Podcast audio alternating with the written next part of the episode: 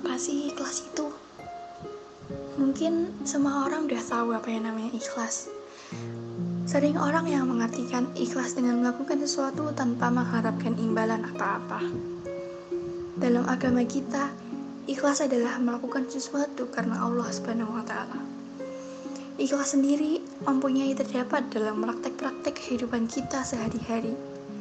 Contohnya, ikhlas dalam bekerja, ikhlas dalam beramal, ikhlas dalam mengajar, ikhlas dalam beribadah, ikhlas dalam membantu orang lain, dan lain-lain. Contohnya, apabila kita memasukkan dalam konteks ibadah, maka ikhlas berarti melakukan ibadah karena Allah Subhanahu wa taala.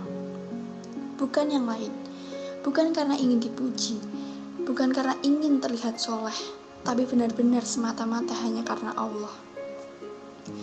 Allah berfirman dalam surat Al-Bayyinah ayat 5 yang artinya, Tidaklah mereka diperintahkan kecuali untuk mengikhlaskan agama untuknya. Ayat tersebut menerangkan pada kita tentang berlaku ikhlas dalam beragama. Agama apabila tidak dilandasi dengan ikhlas dan kejujuran akan runyam dan seolah tak berbekas. Orang sibuk memikirkan kepentingan diri sendiri tanpa sedikit pun menempatkan agama dalam prioritas hidupnya. Ikhlas dalam beragama menjadi sangat penting untuk pupuk dalam diri. Karena dengan ikhlas, semua urusan akan menjadi lebih terang dan mudah untuk dijalankan.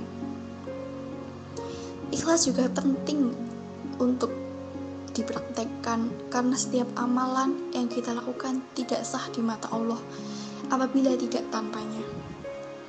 Dalam hadis yang diriwayatkan oleh Imam Muslim, diceritakan tentang suatu perkara yang akan terjadi pada hari akhir di hadapan Allah.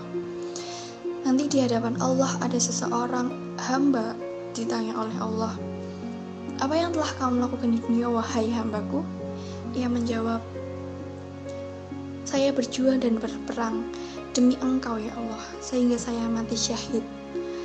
Allah berkata, "Dusta kamu. Sebenarnya kamu berperang bukan karenaku, melainkan agar disebut orang yang berani.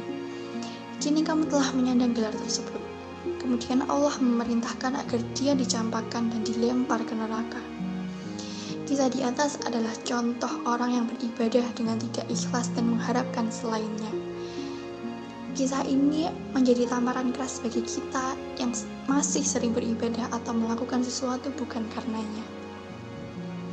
Semoga kita termasuk orang-orang yang Allah lindungi dari hal-hal seperti itu. Dalam beramal, ikhlas menjadi ukuran sebesar apa pahala yang kita dapat.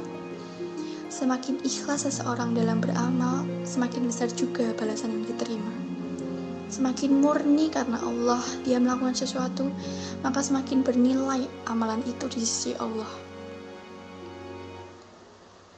Setelah kita memahami isi dari berlaku ikhlas, marilah kita memulai memupuk dan melatih diri kita untuk ikhlas dalam segala hal, sehingga apa yang telah Rasulullah siratkan dalam hadisnya tidak terjadi pada kita. Semoga apa yang telah saya sampaikan bisa bermanfaat bagi kita semua. Terima kasih, mohon maaf atas segala kekurangannya.